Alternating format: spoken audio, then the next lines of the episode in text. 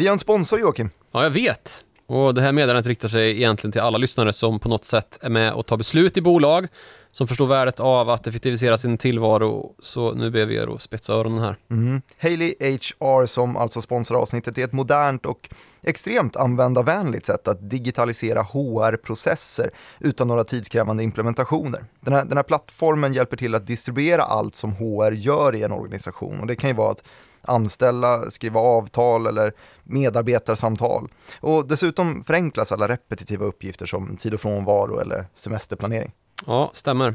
Haley HR har liksom gjort en grundlig bedömning då över allt vad branschen behöver och se till att lagkrav är uppfyllda och att det liksom är smidigt för användaren då. Ja, så sitter du som HR-ansvarig i ett framåtlutat bolag så testa själv eller tipsa vd, CFO eller IT-chef att gå in på haleyhr.com och utforska deras gratisversion genom att eh, boka en demo och låt Haley visa er hur andra företag eh, använder dem för att spara pengar och jobba smartare med sina HR-processer.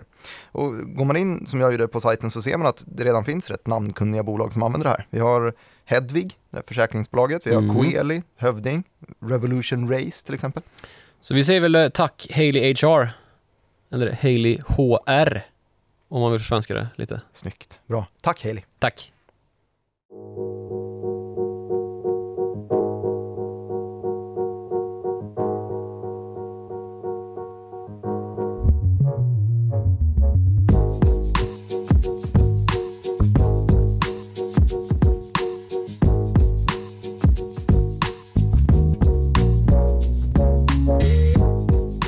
stor vana vid att hålla svansföringen hög gällande välfärd och jämlikhet stod svenskarna plötsligt med mössa i hand längst bak i ledet med förväntad negativ tillväxt under 2023.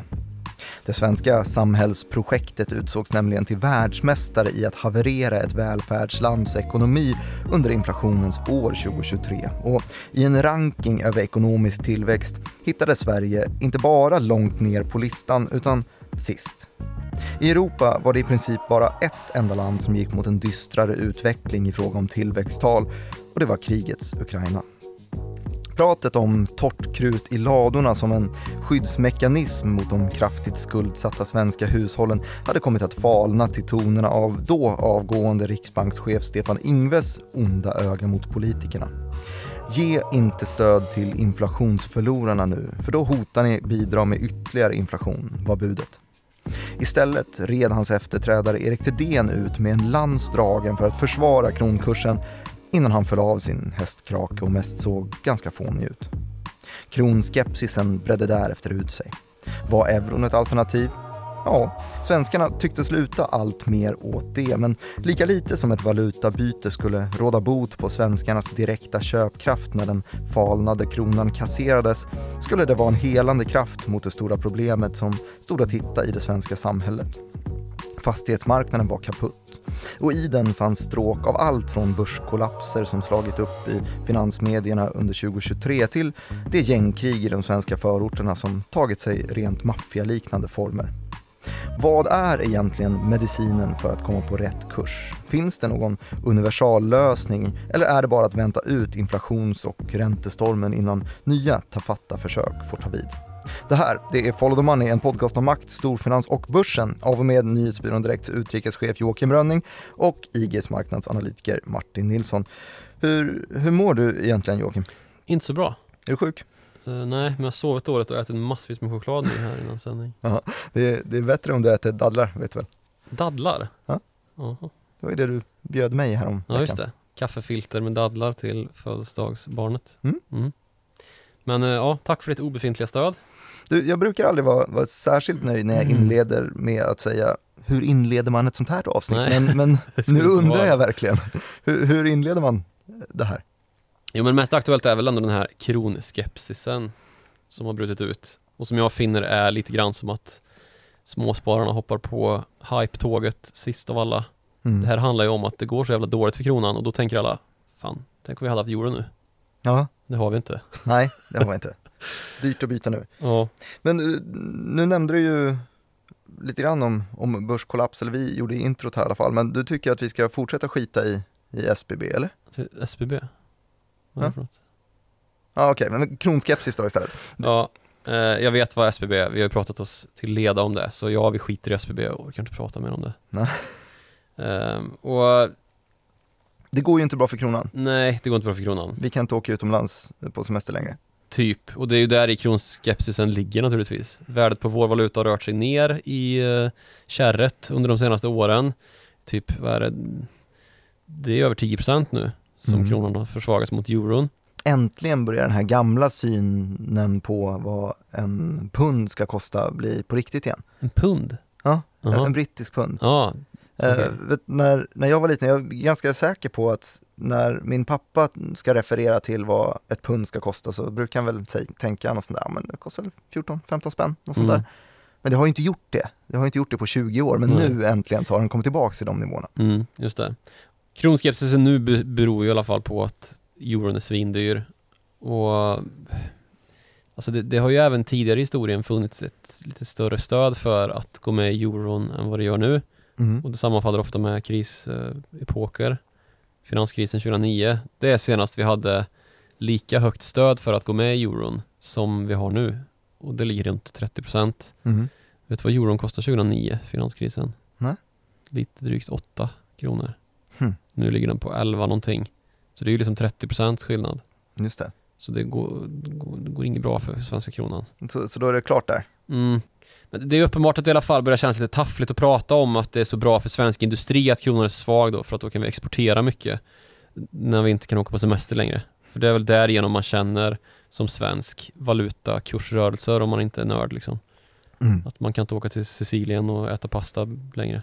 Nej, man kan inte ens åka till Danmark för att man tänker att ja, men danska kronan är väl lite dyrare än svenska kronan. Ja. Men, men den är ju liksom 60% dyrare. Den är ju peggad till euron så att Ja. det är gött för dem.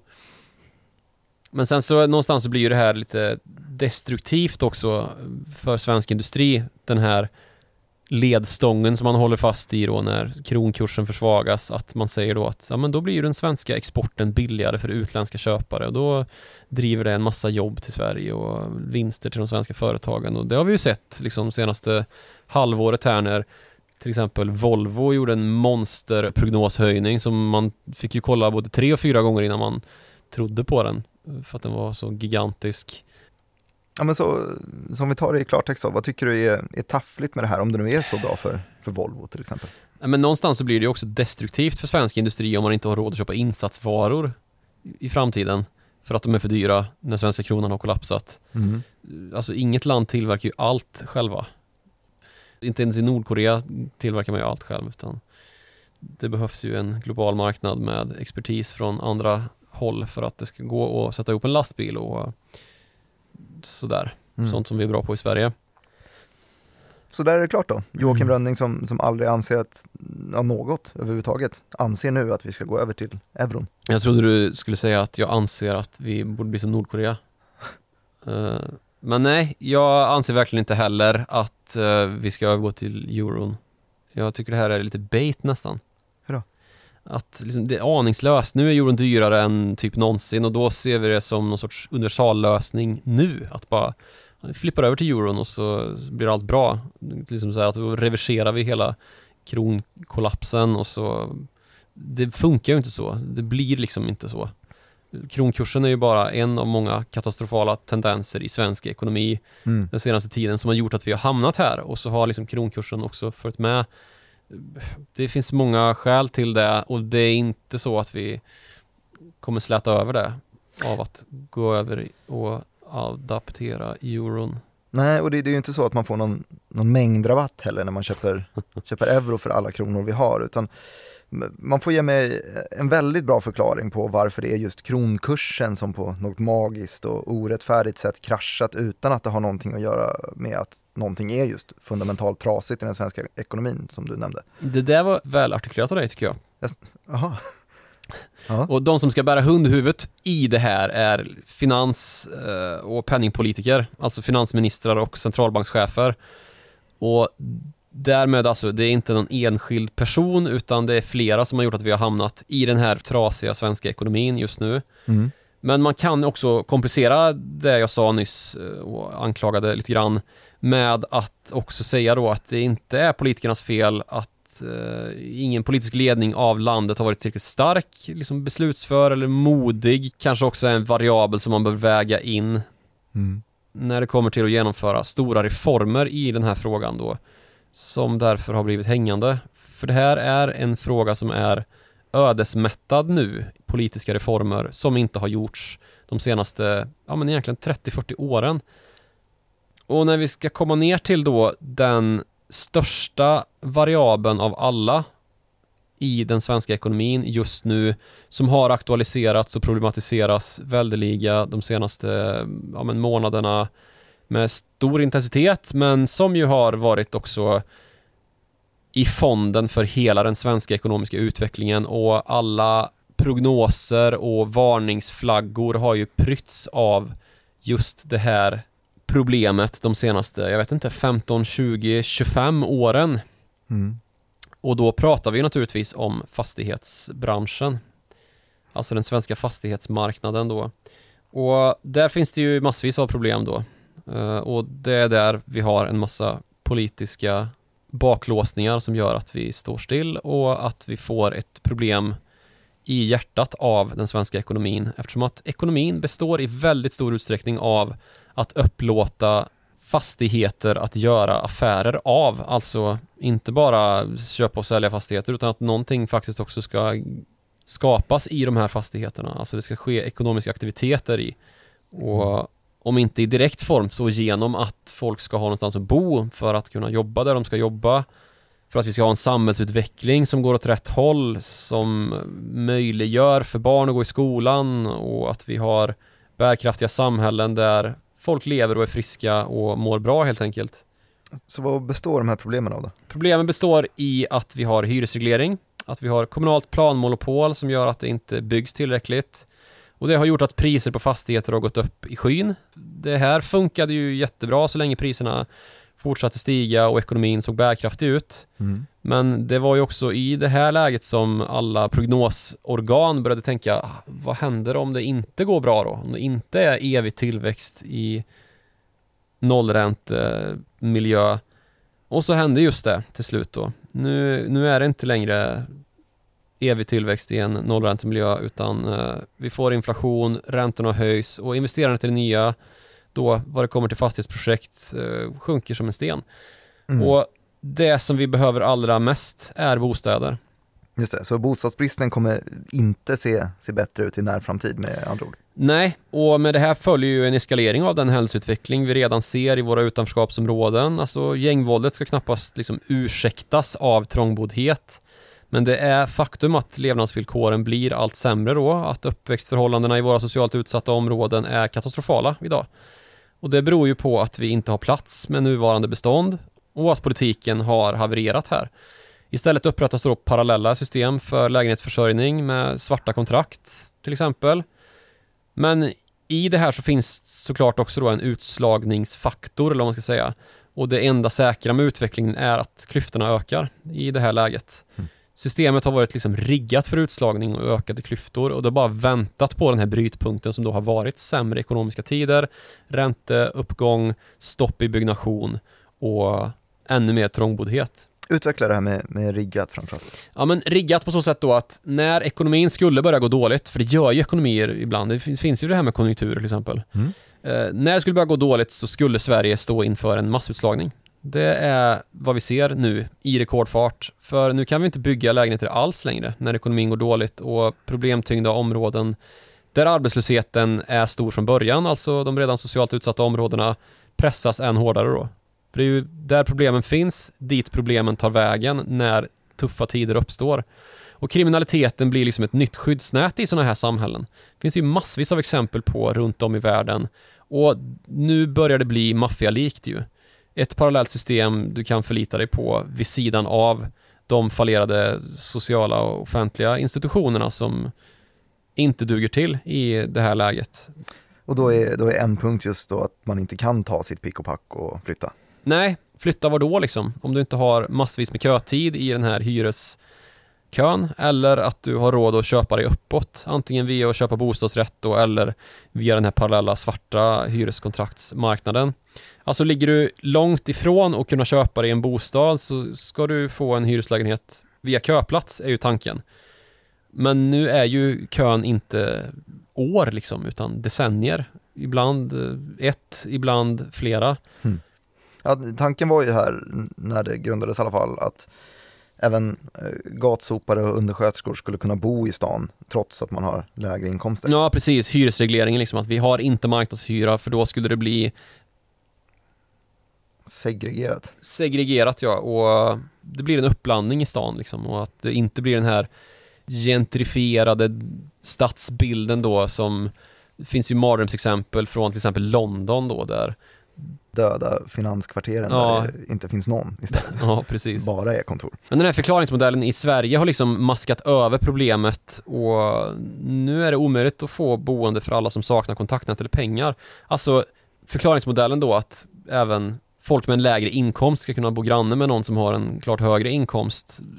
Det är en vacker idé som man har haft lätt att få politiskt stöd för och det tycks på något sätt ha bidragit till en fortsättning av hyresregleringarna utan att man problemställt det liksom. Just det, för nu får man den här absurda exit-delen av det hela istället. Alltså, det finns ju en komponent i det här svenska bostadskomplexet i det att många lever sina liv, har kommit in på bostadsmarknaden då de som har lite deg eh, står i hyreskön under hela den här perioden, lever sina liv i en villa i, i Täby. Och sen så gör man exit från bostadsmarknaden, man säljer sin villa, eh, sitter med några miljoner och då har man också snappat upp eh, ja, 25-30 år i ja, bostadskön precis. under den här perioden. Kan man göra exit, plocka en, eh, en trea eller någonting på ett centralt läge i stan och mycket, inte betala så mycket för den och så har man lite pengar över dessutom. Ja, det är bisarrt. Det är ju inte så det är tänkt liksom. Och det här gäller ju särskilt i storstäderna då, där de flesta jobben finns naturligtvis. Men vad gäller flyktingar, om man ska prata om problemet utanförskapsområden, så är ju det speciellt då. Det handlar ju inte om jobb först och främst, utan det är ju inte alls samma sak som om du sitter i Amsterdam och skriver kod och så ploppar det upp ett erbjudande från Klarna eller något sånt. Men att det sen skiter sig med bostad och så blir man kvar liksom där man sitter. Sitter du i Mogadishu och får möjlighet att komma till Sverige så är det kanske inte boendebekvämlighet som är den fråga som sätts allra främst liksom, utan då är det nog okej okay att man hamnar i de här släktkonstellationerna, vilket inte behöver vara dåligt i sig, men ändå är just där och när det saknas plats. När det bor liksom 7-8 personer på 38 kvadrat. Det är uppenbart att skolresultat försämras i de här områdena eftersom att det saknas studiero hemma. Och det är lika enkelt att konstatera att barn redan i yngre tonåren då i allt högre utsträckning drivs ut på gatan för att komma ifrån det här kaoset som är i den lilla lägenheten och så fiskas man där upp av gängmiljön då i ung ålder. Så ser, ser vi någon eh, root cause i, i fastighetsmarknaden här då? Det blir det engelska. Ja, men visst, det går ju att debattera det här i oändlighet. Ena sidan säger att problemet har att göra med invandring och fallerad integration, och det stämmer väl. Den andra sidan hävdar att det här handlar om att folk sitter och lyxknarkar i Danderyd och göder gängen då, köper deras knark samtidigt som de röstar blått eller brunt och vill ha ut invandrarna ungefär. Men faktum är ju att fastighetsmarknaden, om vi ska ägna oss åt ekonomi som vi gör i den här podden, mm att vi liksom inte har tagit boendesituationen för folk som bor i Sverige på allvar är ju en jätteviktig del av förklaringen bakom gängproblemen som vi ser i Sveriges förorter. Självklart är det så. Och det glada i den här sorgesången är ju att det finns ju något att göra åt det när det kommer till ekonomi. Det är mm. ju inte liksom låst läge, bara ideologi, utan här måste man ju bli lite kreativ när det kommer till de ekonomiska uppskalningsmodellerna kring att bygga bostäder helt enkelt. Just det, för, för svart på vitt så har vi ju haft en befolkningsökning som inte motsvarat av en byggnationsökning. Mm. Och då har vi fått se samhälleliga konsekvenser som du har beskrivit här. Och det finns ju data på det här och det, det enda året vi egentligen såg högre nybyggande än nettoinflyttning till Sverige de senaste 15 åren, det var 2020. Ja, det var det. Och det var stora nyheter då, att uh, nu tar vi tag i bostadsproblematiken här och bygger mer än vad som flyttar in. Och det har ju varit regel snarare än undantag att vi sett dubbelt så hög nettoinflyttning som nybyggande i Sverige de senaste liksom 15-20 åren. Och nu ska vi säga att det är liksom inte ett 1 1 förhållande här ju. Det är ju inte så att alla bor själva, även om vi är världens mest ensamboende folk. Men nu har ju byggandet kraschat och det har blivit för dyrt och osäkert. Kommunala byggprojekt pausas med förklaringen att vi väntar tills det lugnat sig. Det är typ vad fastighetscheferna säger då i kommunerna. Och då pratar man ju naturligtvis om ränteuppgångarna, inflationskaoset och den osäkerhet som sprider sig i marknaden. Så då blir det ju återigen att man bakbinder den här möjligheten då att bygga ikapp problemet och få en lösning på ett av våra allra svåraste samhällsproblem just nu, alltså kriminaliteten och skjutningarna. Om vi går från, från gängkriminaliteten då så finns det ju även andra delar av ekonomin som drabbas av det här haveriet. Alltså, Spotify tror jag till och med att vi har pratat om som tidiga med att gnälla på Ja, att det är svårt att locka arbetskraft i Sverige Det eftersom att det saknas bostäder. Men, men nu har den eh, klagosången amplifierats, eller vad säger du? Ja, eh, Stockholms handelskammare skrev en rapport eh, förra året här och då fick man fram då i en enkät att tre av fyra nyanställande bolag lyfter boendesituationen som en av de svåraste frågorna när det kommer till nyanställningar utifrån. På tal om svensk konkurrenskraft alltså, så är det här inte skitbra. Nej. Och när vi pratar om den här delen av samhällsstegen så är vi ju runt omkring i medelklassen plötsligt och det är ju Mm. inte heller en klass som har askul just nu. När, när räntorna trefaldigats och så vidare. Nej, ska gudarna veta. Och medelklassens lyxtillvaro i lågräntemiljö har vi också pratat om och gjort oss roliga kring. Den är ju slut nu. Och visst så hade ju liksom medelklassen jättehöga lån, men de kostade ju ingenting då när det var nollräntemiljö. Nu kostar de jättemycket. Och risken är att räntorna kommer upp så mycket att folk inte har råd att bo kvar och tvingas sälja och då kommer vi få se rejäla spiraleffekter i bostadsmarknaden neråt. Frågan är ju då om politikerna i det läget kommer stämma i bäcken och hindra en blodsutgjutelse som skulle ske då i vår allra mest skuldsatta samhällsdel. Eh, hushållen var ju mer skuldsatta än någonsin när vi gick in i det här högränteklimatet ju. och det pratades det ju också jättemycket om och var liksom huvudanledningen till att prognoserna från IMF, Världsbanken och OECD såg ut just som de gjorde då, att det var total varningsflagg för den svenska privata skuldsättningen. Ja men det, det är en ganska intressant graf att kolla på innan vi fick det här inflationsdrabblet. Om man drar två stycken linjer och låter dem eh, färdas bredvid varandra och den ena linjen är räntekvoten. Mm. Alltså hur höga räntorna är i, i förhållande till Mm. hushållens inkomster. Och sen så på, låter du den andra linjen vara skuldkvoten istället. Som då alltså bestämmer hur, hur stora skulder du har, alltså hur mycket du betalar för dina lån och hur stora lånen är.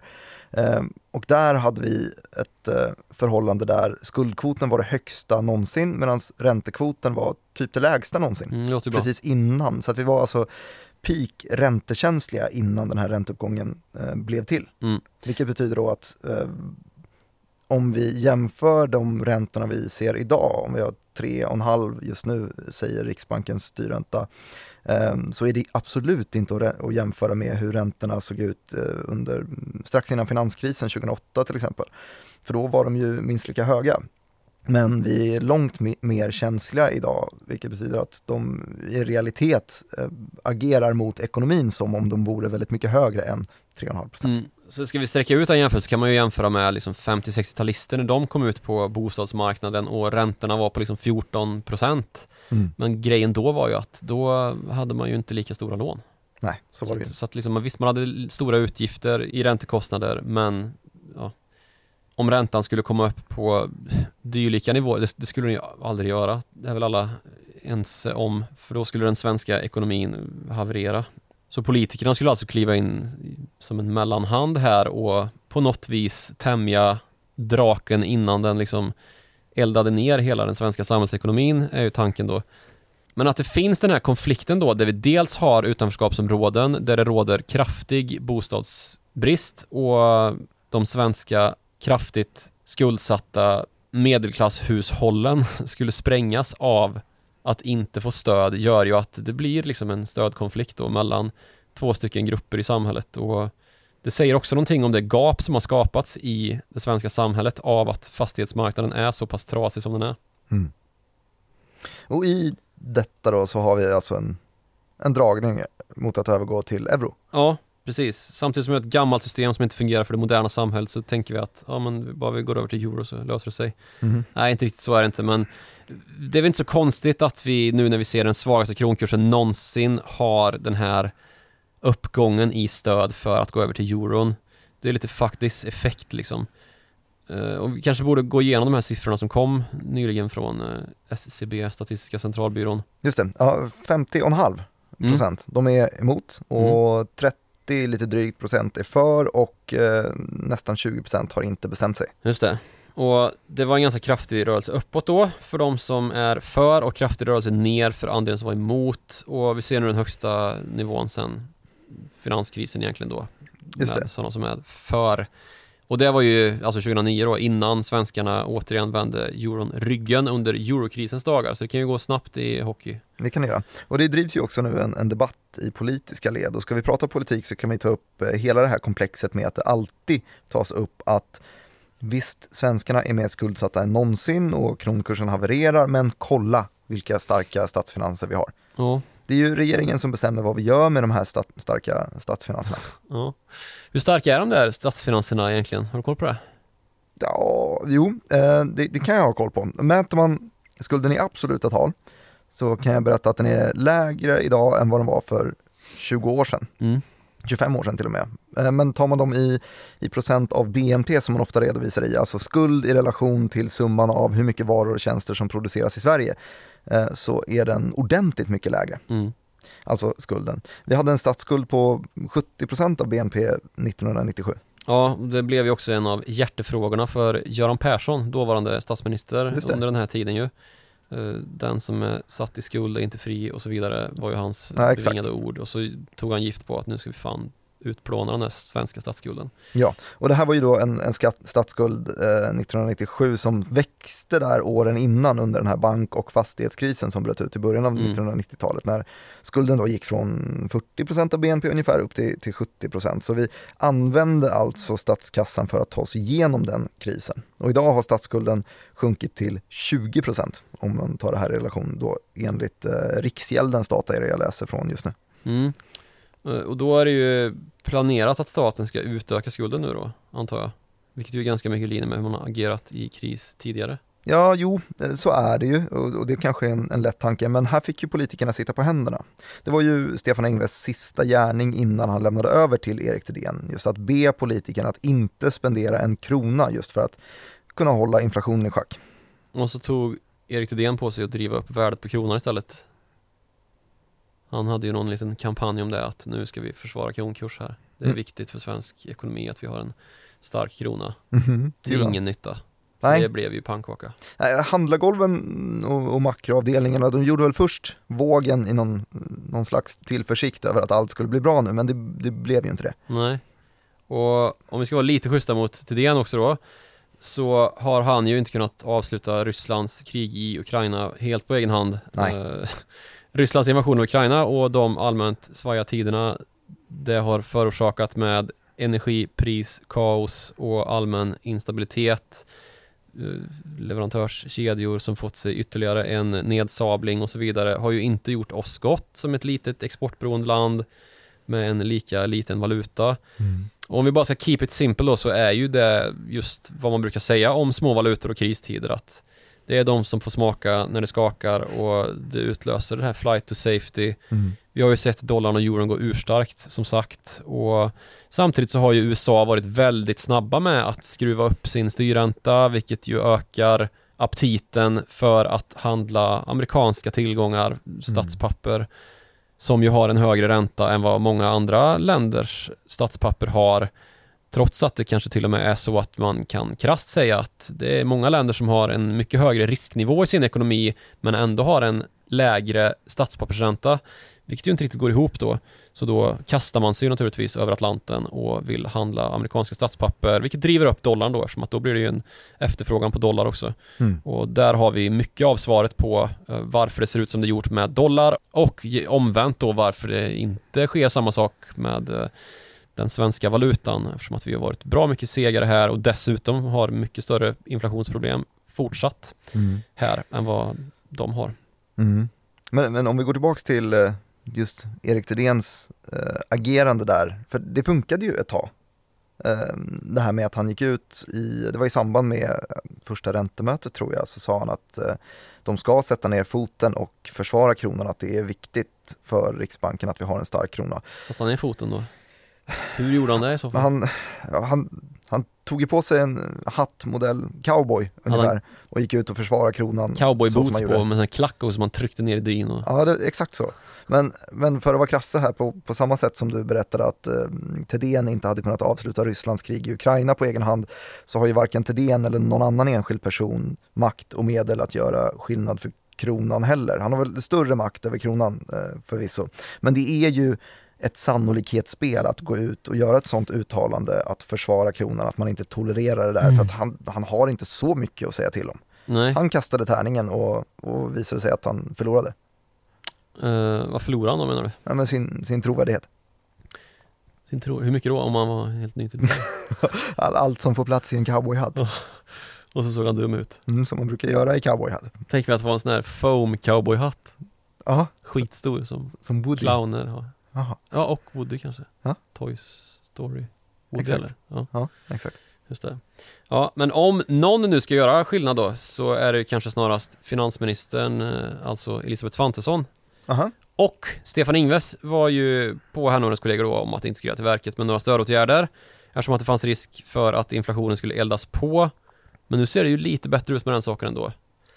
Såg du producentprisindex här? Mm, krasch. Ja, rejäl krasch. Och det, det är väl flera indikatorer som pekar i den riktningen just att inflationen kanske är på väg ner ändå. Mm. Och det är väl lite drömscenariot för den som driver tesen om en starkare krona att när recessionen är djup och vi ska liksom dra igång ekonomin igen så gör man det från finanspolitiskt håll genom att utöka statsskulden. Precis som man gjorde här under, under 90-talet, alltså projekt i ren keynesiansk anda. Keynesiansk anda. Kan man slänga sig med det? Tråkigt låter. Ja. Men du menar att man skapar jobb och lägger kostnaden på statens nota och liksom ger stöd till de som tagit stryk av den höga räntan? Ja, typ. exakt. Alltså, och på så sätt kan man då låta räntan ligga kvar på en hög nivå längre än resten av världens länder. För det är ett relativt spel här mm. och det gör ju kronan till en relativ vinnare. Just det. Uh, vet du vad man kan göra mer specifikt om man vill om man vill mm, driva upp statsskulden lite, använda ja. pengar. Ja, ja, Jag tror att du är ute efter att man kanske kan bygga bostäder. Ja. Bygga bort eh, miljonprogrammen och göra det till livskraftiga områden istället. Man kan bygga fler våningar på Strandvägen och Norr så kan alla bo där. ja, det är jättesmart faktiskt. Men, för att vara en gnutta allvarlig innan vi avslutar det här så är det det som krävs för att vi ska kunna bygga hållbara stadsdelar. Alltså få bort de här riskfaktorerna för den fortsatt skenande kriminaliteten, att vi förändrar regelverk. Det krävs liksom politiska beslut. Ja. Handlingskraft från finanspolitiskt håll. Vad är sannolikheten för det då? Hmm. För vi har inte en regering som till fullo når över 50% och som därigenom kan driva igenom olika beslut. Istället så har vi en ny stökig koalition nu och vi har haft det under ganska lång tid dessutom. Och det hämmar ju sådana här stora samhällsstrukturellt viktiga beslut då. Och det gäller ju även andra delar av det svenska ekonomiska problemet. Att vi har bekymmer med pensionssystem och infrastruktur och vård, skola, omsorg och vi helt enkelt skulle behöva en stark regering då med eget mandat för att få någon ordning på det här. Alternativt då en blocköverskridande överenskommelse. Och när det kommer till kritan så undrar om inte det känns mest sannolikt egentligen, att vi får en blocköverskridande överenskommelse någon gång i en Ja, jag vet inte hur långt in i framtiden man ska behöva gå för att det ska komma på plats. Men du menar att nöden kanske skjuter oss dit? Ja, alltså vi får se om trycket till slut blir så stort då att Magdalena och Ulf sätter sig ner, ser varandra djupt i ögonen och säger Ta min hand, nu löser vi det här. Eh, men det ser ju inte jätteljust ut av den politiska debatten att döma. Nej, det har väl varit den här samma typ av eh, rävsax-stiltjen i den här frågan. Ja. Men med eh, restriktioner kommer ju möjligheter, brukar man ju säga. Ja, det kan ju hända sjuka saker i eh, kristider och lappkast görs emellanåt. Det såg vi gott om lappkast både under pandemin och sen när Ryssland gjorde slag i saken och gjorde den storskaliga invasionen av Ukraina ju. Mm. Där länder som eh, det demilitariserade Tyskland plötsligt blev eh, en före detta pacifistisk regering närmast eh, gick mot att liksom ta sikte på att bli en militär världsmakt igen. Mm. Med allt vad det innebär, med den historia som man har. Inga jämförelser gjorda med nuvarande regering och den som var på 30-40-talet naturligtvis. Men det var ju någonting som sågs som helt uteslutet. Och detsamma gäller faktiskt nu mer för Japan ju, att man där börjar titta på de här, räcker det med att vi har de här självförsvarsstyrkorna eller ska vi börja manna upp och eh, köpa stridsflyg ordentligt och se till att vi har motkraft i händelse av att det börjar hetta till i vår närregion då och Det låter ju som att det är risk för att pengarna läggs på Saab och Hägglunds istället för eh, byggbolagen. Ja, det är ju beslut som redan är tagna till och med, att man ska upprusta försvar ju. Mm. Så finns det lite finesser med var pengar tas ifrån och så vidare. Att eh, försvarsbudgetar brukar vara lite egna djur i skogen. Mm. Och att det kanske inte är något motsatsförhållande där i då, men det är definitivt så att vi behöver göra ganska mycket för att komma till bukt med de problem vi har så att Sverige inte fastnar i det här läget där vi har negativ tillväxt, vilket då spås för 2023. Och jag tror att det är typ fyra, fem andra länder som är på väg mot negativ tillväxt under 2023. Det var Sverige... länge sedan vi var sämst i Europa. Vad sa du? Det var länge sedan vi var sämst i Europa, det har väl inte hänt förut? Nej, jag, jag kan inte dra mig till minnes att vi har varit i alla fall. Och vi är inte sämst, men vi, det ser inte bra ut. Och som sagt, Ukraina är naturligtvis de som ligger allra risigast till negativ tillväxt på 3%.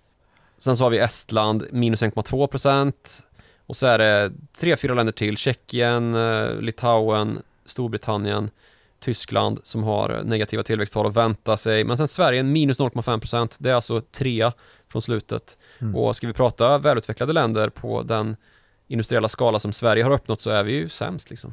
Mm. Det är ju bara att uh, tugga i sig och blicka framåt mot eh, eventuellt då politiska reformer som faktiskt betyder någonting och en riktningsförändring så att vi kanske också på sikt får ordning på kronkursen. Mm. Det här är ju ett område som rör börs såklart. Väldigt mycket olika byggbolag, vi har fastighetsbolag.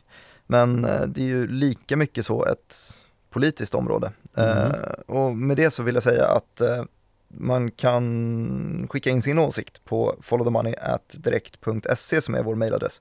Mm. Och man kanske också kan följa oss på Twitter, du heter snabbla Joakim Ronning och jag heter snabbla Martin Nilsson IG. Och så är det en till sak. Ja, den viktigaste saken har du, inte, har du inte sagt nu. Ja, man ska gå in på Skala Teatern. Köp en plats till vår livepodd. Där alltså vi kommer stå på scen under en hel kväll. Ja, Och när en- är det egentligen? Det är den 20 september. Och en biljett ger två föreställningar, för vi gör det här tillsammans med Kapitalet Podcast. Eh, jag ska egentligen inte avslöja mer, men det kommer bli historiskt kan vi väl säga. Mm. Så gå in på Skala Teaterns hemsida. Vi lägger en länk såklart i avsnittet och annars är det bara att googla och hitta platser. Och så får vi tacka er så mycket för att ni har lyssnat på det här avsnittet så hörs vi snart igen. Hej!